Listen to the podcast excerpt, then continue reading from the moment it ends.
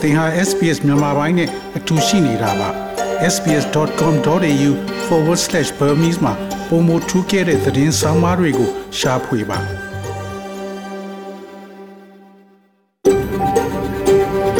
SBS A world of difference You're with SBS Burmese on mobile, online and on radio mobile online နဲ့ radio ပေါ်မှာသင်ဟာ SPS မြန်မာပိုင်းနဲ့ အတူရှိနေတာဖြစ်ပါတယ်တော်ရရှိမြချက်တိမင်္ဂလာဖျားဖျားနဲ့ပြည့်စုံတော်မူကြပါစားခင်ဗျာဒီနေ့ဧပြီလ23ရက်စနေနေ့မြန်မာပိုင်းစီစဉ်များကို SBS Radio မှာစတင်တန်ထွင်နေပါရခင်ဗျာ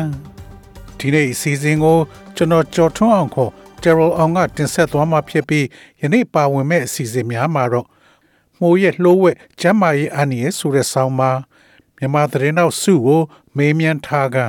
တန်ဝင်ခက်ကပေးပို့ထားတဲ့မရတတ်နိုင်သေးတဲ့မြန်မာစီးပွားပြက်ကဆိုတဲ့သတင်းဆောင်ပါတို့ဖြစ်ပြီးဒီနေ့ခေါင်းကြီးပိုင်းသတင်းတွေကတော့ New South Wales နဲ့ Victoria ရဲ့ COVID အခြေအနေယူကရိန်းအတွက်စစ်ရေးအကူအညီနောက်ထပ်ဒေါ်လာ300ပေးမယ်လို့ဘိုင်ဒန်ပြောအာနာသိန်းတစ်နှစ်ကျော်အတွင်းအမျိုးသမီးနဲ့ကလေးငယ်290နီးပါးသေဆုံး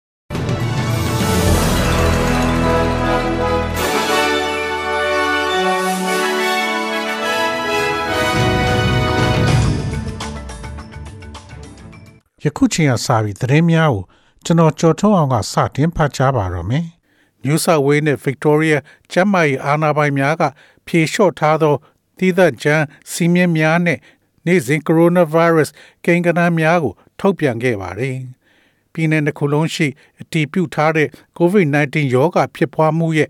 ရောဂါလက္ခဏာမရှိသောအိမ်တောင်စုအဆက်အသွယ်များသည့်အိမ်တွင်မျက်နှာဖုံးများဝတ်ဆင်ရန်လိုအပ်တော်လဲ ခုနှစ်ရက်ကြာသီးသန့်ခွဲနေရန်မလိုအပ်တော့ပဲသက်ကြီးရွယ်အိုများနဲ့ခုခံအားကျနေသူများနဲ့ထိတွေ့ခြင်းမှရှောင်ကျဉ်ကတတ်နိုင်သမျှအိမ်မအလုပ်လုပ်ရန်ဖြစ်ပါတယ်။ New South Wales တွင်အနိကအဆက်အသွယ်များသည့်နေ့စဉ်လျင်မြန်စွာ antigen စမ်းသပ်မှုများပြုလုပ်ရန်လိုအပ်ပြီး Victorian များသည်ခုနှစ်ရက်အတွင်းအနှုတ်လက္ခဏာ RAT 5ခုကို ပြသရန်လိုအပ်ပါတယ်။ New South Wales တွင်သေဆုံးသူ16ဦးနဲ့ကိုဗစ်ရောဂါကူးစက်မှုအသစ်12633ဦးမှတ်တမ်းတင်ထားပြီး Victoria တွင်သေဆုံးသူ73ဦးနဲ့ကူးစက်မှုအသစ်8120ရှိကြောင်းသိရှိရပါတယ်။ Ukraine အတွက်စီးရေးအကူအညီနောက်ထပ်ဒေါ်လာ300ပေးမယ်လို့ဘိုင်ဒန်ပြော ယူကရိန်းအတွက်စစ်ရေးအကူအညီဖြစ်နောက်ထပ်ဒေါ်လာ300ပေးအပ်မည်ဖြစ်ကြောင်း American သမ္မတဂျိုးဘိုင်ဒန်ကဧပြီလ22ရက်နေ့တွင်ကြေညာလိုက်ပါတယ်။ယင်းကဒွန်စဘတ်ဒေသ၌ရုရှားတပ်များနှင့်ရင်ဆိုင်တိုက်ခိုက်ရာတွင်ယူကရိန်းအတွက်အကူအညီဖြစ်စေလိမ့်မယ်လို့၎င်းကပြောဆိုပါတယ်။ယခု American ကထပ်မံပေးအပ်တဲ့အကူအညီသစ်များထဲတွင်155 mm howitzer အမြောက်82လက် ယင်းတို့ကိုဆွဲမိတန်ချက်ကာရင်82စင် KNG 344,000ပြင်ယူကရိန်းလိုအပ်ချက်ကိုကင်တွယ်ဖြည့်ရှင်းရန် American လေတပ်ကမကြသေးခင်ကအထူးထုတ်လုပ်ထားတဲ့ Phoenix Ghost နီးပြူဟာမြောက် drone 120စင်းကျော်တို့ပါဝင်မှာဖြစ်ကြောင်း Pentagon ကပြောဆိုပါတယ်။ယူကရိန်းရှေ့ပိုင်းတွင်ရုရှားထိုးစစ်ကိုရင်ဆိုင်ရာတွင်ယူကရိန်းတပ်ဖွဲ့များကိုထောက်ကူနိုင်ရေးအတွက်ယခုအကူအညီအသစ်ကို အဝင်ကွန်ကြဖြစ်အောင်စီမံထားတယ်လို့ဘိုင်ဒန်ကပြောပါတယ်။ရုရှားကျူးကျော်စစ်ပထမဆုံးသတင်းပတ်6ပတ်အတွင်းယူကရိန်းတပ်များကရုရှားတပ်များကို အောင်မြင်စွာ ခုခံတိုက်ထုတ်နိုင်ခဲ့သည့်ကီယက်ဝမ်ချီမြောက်ပိုင်းတိုက်ပွဲများနဲ့ရှင်းလင်းယခုယူကရိန်းရှေ့ပိုင်းရုရှားထိုးစစ်ကမတူခြားနားသည့်တိုက်ပွဲတစ်ခုဖြစ်လာလိမ့်မယ်လို့ဘိုင်ဒန်ကပြောဆိုပါတယ်။ အာနာသိန်းတစ်နှစ်ကျော်အတွင်းအမျိုးသမီးနဲ့ကလေးသူငယ်290နီးပါးသေဆုံး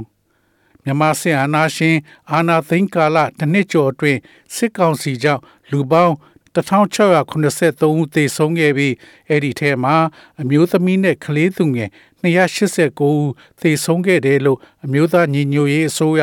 NUG ရဲ့အမျိုးသမီးလူငယ်နဲ့ကလေးသူငယ်ရေးရဝန်ကြီးဌာနကဧပြီလ20ရက်နေ့က ထုတ်ပြန်လိုက်ပါတယ်။ဆီအာနာသိန်းချင်းကစလို့ဧပြီလ17ရက်နေ့ထိသေဆုံးမှုတွေထဲမှာအမျိုးသမီး156ဦးကလေးသူငယ်133ဦးပါဝင်နေပါတယ်။ဒါဟာတေဆုံးသူတွေထဲအားလုံးရဲ့18ရာခိုင်နှုန်းလောက်ပါဝင်နေတာပါတေဆုံးသူတွေထဲမှာအများဆုံးကတော့လူငယ်တွေဖြစ်ကြပြီး982ဦးထိပါဝင်ပါတယ် ဒါဟာတေဆုံးသူတွေအားလုံးရဲ့ထက်ဝက်နီးပါးအရေးအတွက်လည်းဖြစ်ပါတယ်တေဆုံးသွားတဲ့အမျိုးသမီးကလေးသူငယ်လူငယ်တွေဟာအများစုကစကိုင်းတိုင်းကဖြစ်တယ်လို့ NUG ရဲ့အမျိုးသမီးလူငယ်နဲ့ကလေးသူငယ်ရေးရဝန်ကြီးဌာနကစည်ရင်းတွေမှာဖော်ပြထားပါတယ်။အာနာသိနောက်ဆက်တွဲဖြစ်ပေါ်လာတဲ့တိုက်ပွဲတွေကြောင့်စကိုင်းချင်းကရားပြည်နယ်တွေမှာ ရသားတွေထိခိုက်သေးဆုံးမှုတွေလည်းရှိနေပြီးစစ်ဘေးတံကိုအမျိုးသမီးနဲ့ကလေးငယ်တွေကပုံမခံစားနေရတယ်လို့လူအခွင့်အရေးအဖွဲ့တွေက ပြောဆိုနေပါတယ်။ Solomon နဲ့ Labor Party Federal တိုက်ခံခေါင်းဆောင် Anthony Albanese က Labor အစိုးရသည် Solomon ကျွန်းစုနဲ့တရုတ်ရဲ့သဘောတူညီချက်ကြောင့် Pacific အိန္ဒိချင်းများနဲ့ပုံမနဲ့ဆိုင်သောဆက်ဆံရေးကိုဖော်ဆောင်သွားမယ်လို့ပြောကြားပါတယ်။ ဝန်ကြီးချုပ် Scott Morrison ကဧပြီလ22ရက်တောက်ကြနေ့ကလုံခြုံရေးသဘောတူညီချက်ကိုလက်မှတ်ရေးထိုးပြီးကြတဲ့က၎င်းရဲ့ Solomon Island counterpart Minister Sogavra နဲ့စကားမပြောရသေးကြောင်းဝန်ကြီးချုပ် Scott Morrison ကပြောဆိုတဲ့အတွက်ကြောင့်၎င်းသည်ပေးထားတဲ့ဂတိကဝတ်တွေကိုပြက်ပြားခဲ့တယ်လို့ဆိုပါတယ်။ Mr. Albanese သည် COVID-19 ကူးစက်ခံထားရကြောင်းစစ်ဆေးတွေ့ရှိပြီးနောက် လက်ရှိတွင် အထီးကျန်ခွဲနေပြီးအတိုက်ခံသည့် Pacific နိုင်ငံများကိုပုံမဆက်သွယ်စေရန်ကြိုးပမ်းသွားမယ်လို့ ABC ကိုပြောကြားပါတယ်။ပထမအဆင့်မှာကျွန်ုပ်တို့ရဲ့ဒေတာအတွင်းခေါင်းဆောင်မှုဖြင့်သင်ရဲ့ကြီးတန်းဝင်ကြီးများနှင့်ပုံမနဲ့ဆိုင်သောဆက်ဆံရေးရှိရလိုအပ်ပါတယ်။သူတို့စိုးရင်ရတဲ့ကိစ္စရပ်တွေမှာလည်းသူတို့နဲ့ထိတွေ့ဆက်ဆံမှုလိုပါတယ်။ Pacific ဒေသအတွက်နံပါတ်1စိုးရင်စရာမှာယာဒီဥထုဖောက်ပြန်ခြင်းဖြစ်တယ်လို့ကျွန်ုပ်တို့သိပါတယ်။ပြီးတော့ယာဒီဥထုပြောင်းလဲမှုအပေါ်အပြူသဘောဆောင်တဲ့တုံ့ပြန်မှုမျိုးရှိလာမယ်။ကျွန်တော်တို့ရဲ့ Pacific ကျွန်းအိမ်နီးချင်းတွေနဲ့ UN ရဲ့ပါတီတွေကိုညီလာခံတစ်ခုခေါ်ယူကျင်းပခြင်းပါတယ်။နိုင်ငံခြားရေးဝန်ကြီး Penny Wong ကဝန်ကြီးချုပ်သည်လုံခြုံရေးသဘောတူညီချက်ကိုရှေ့မဆက်နိုင်စေရန်တားဆီးရာတွင်ပုံမတက်ကြွသော အခမ်းကဏ္ဍမှပါဝင်သင့်တယ်လို့ပြောကြားသွားပါတယ်။စစ်ကောင်စီရဲ့စန့်ချီရေးအတွက်လူမှုကွန်ရက်ကနေရန်ပုံငွေရှာတဲ့ click to donate တနေ့ကို15မိနစ်မြန်မာတိုင်းမြန်မာတိုင်းက click to donate ကိုနှိပ်ရင်တော်လန်ရေးကို အထောက်အကူပြုရရောက်တယ်လို့ပြောဆိုပါတယ်။ click ကို donate နှိပ်ကြဖို့မြို့သားညီညွတ်ရေးအစိုးရ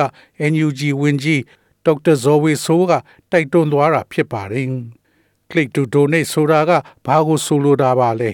အတူချုံပြောရရင် YouTube ကဗီဒီယိုတွေကိုကြည့်ပြီးငွေရှာတဲ့နည်းလိုပဲဖြစ်ပါတယ်။ဒီ click to donate Facebook နဲ့ we click ဆိုတဲ့ YouTube စာမျက်နှာတွေမှာကြည့်ရမယ်ဗီဒီယိုတွေလည်းတီထောင်သူတွေကစူးစီးပေးထားတာဖြစ်ပါတယ်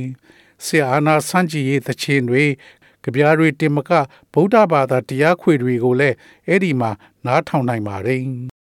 SBS SBS SBS SBS SBS This is SBS Radio.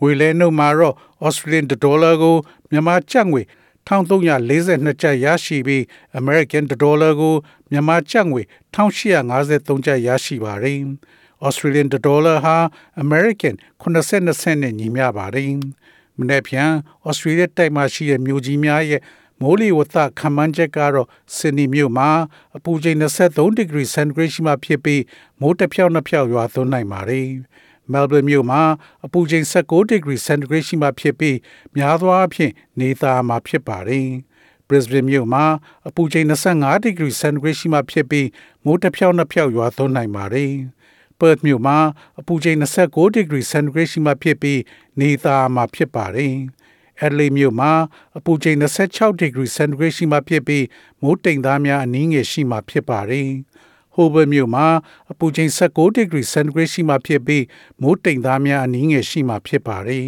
။ Canberra မြို့မှာအပူချိန်20ဒီဂရီစင်တီဂရိတ်ရှိမှဖြစ်ပြီးများသောအားဖြင့်နေသားမှာဖြစ်ပါတယ်။ ဒါဝင်မြို့မှာအပူချိန်34ဒီဂရီစင်တီဂရိတ်ရှိမှဖြစ်ပြီးနေသားမှာဖြစ်ပါတယ်။ဤတွင်သတင်းများကိုကြီးညာလို့ပြီးပါပြီခင်ဗျာ။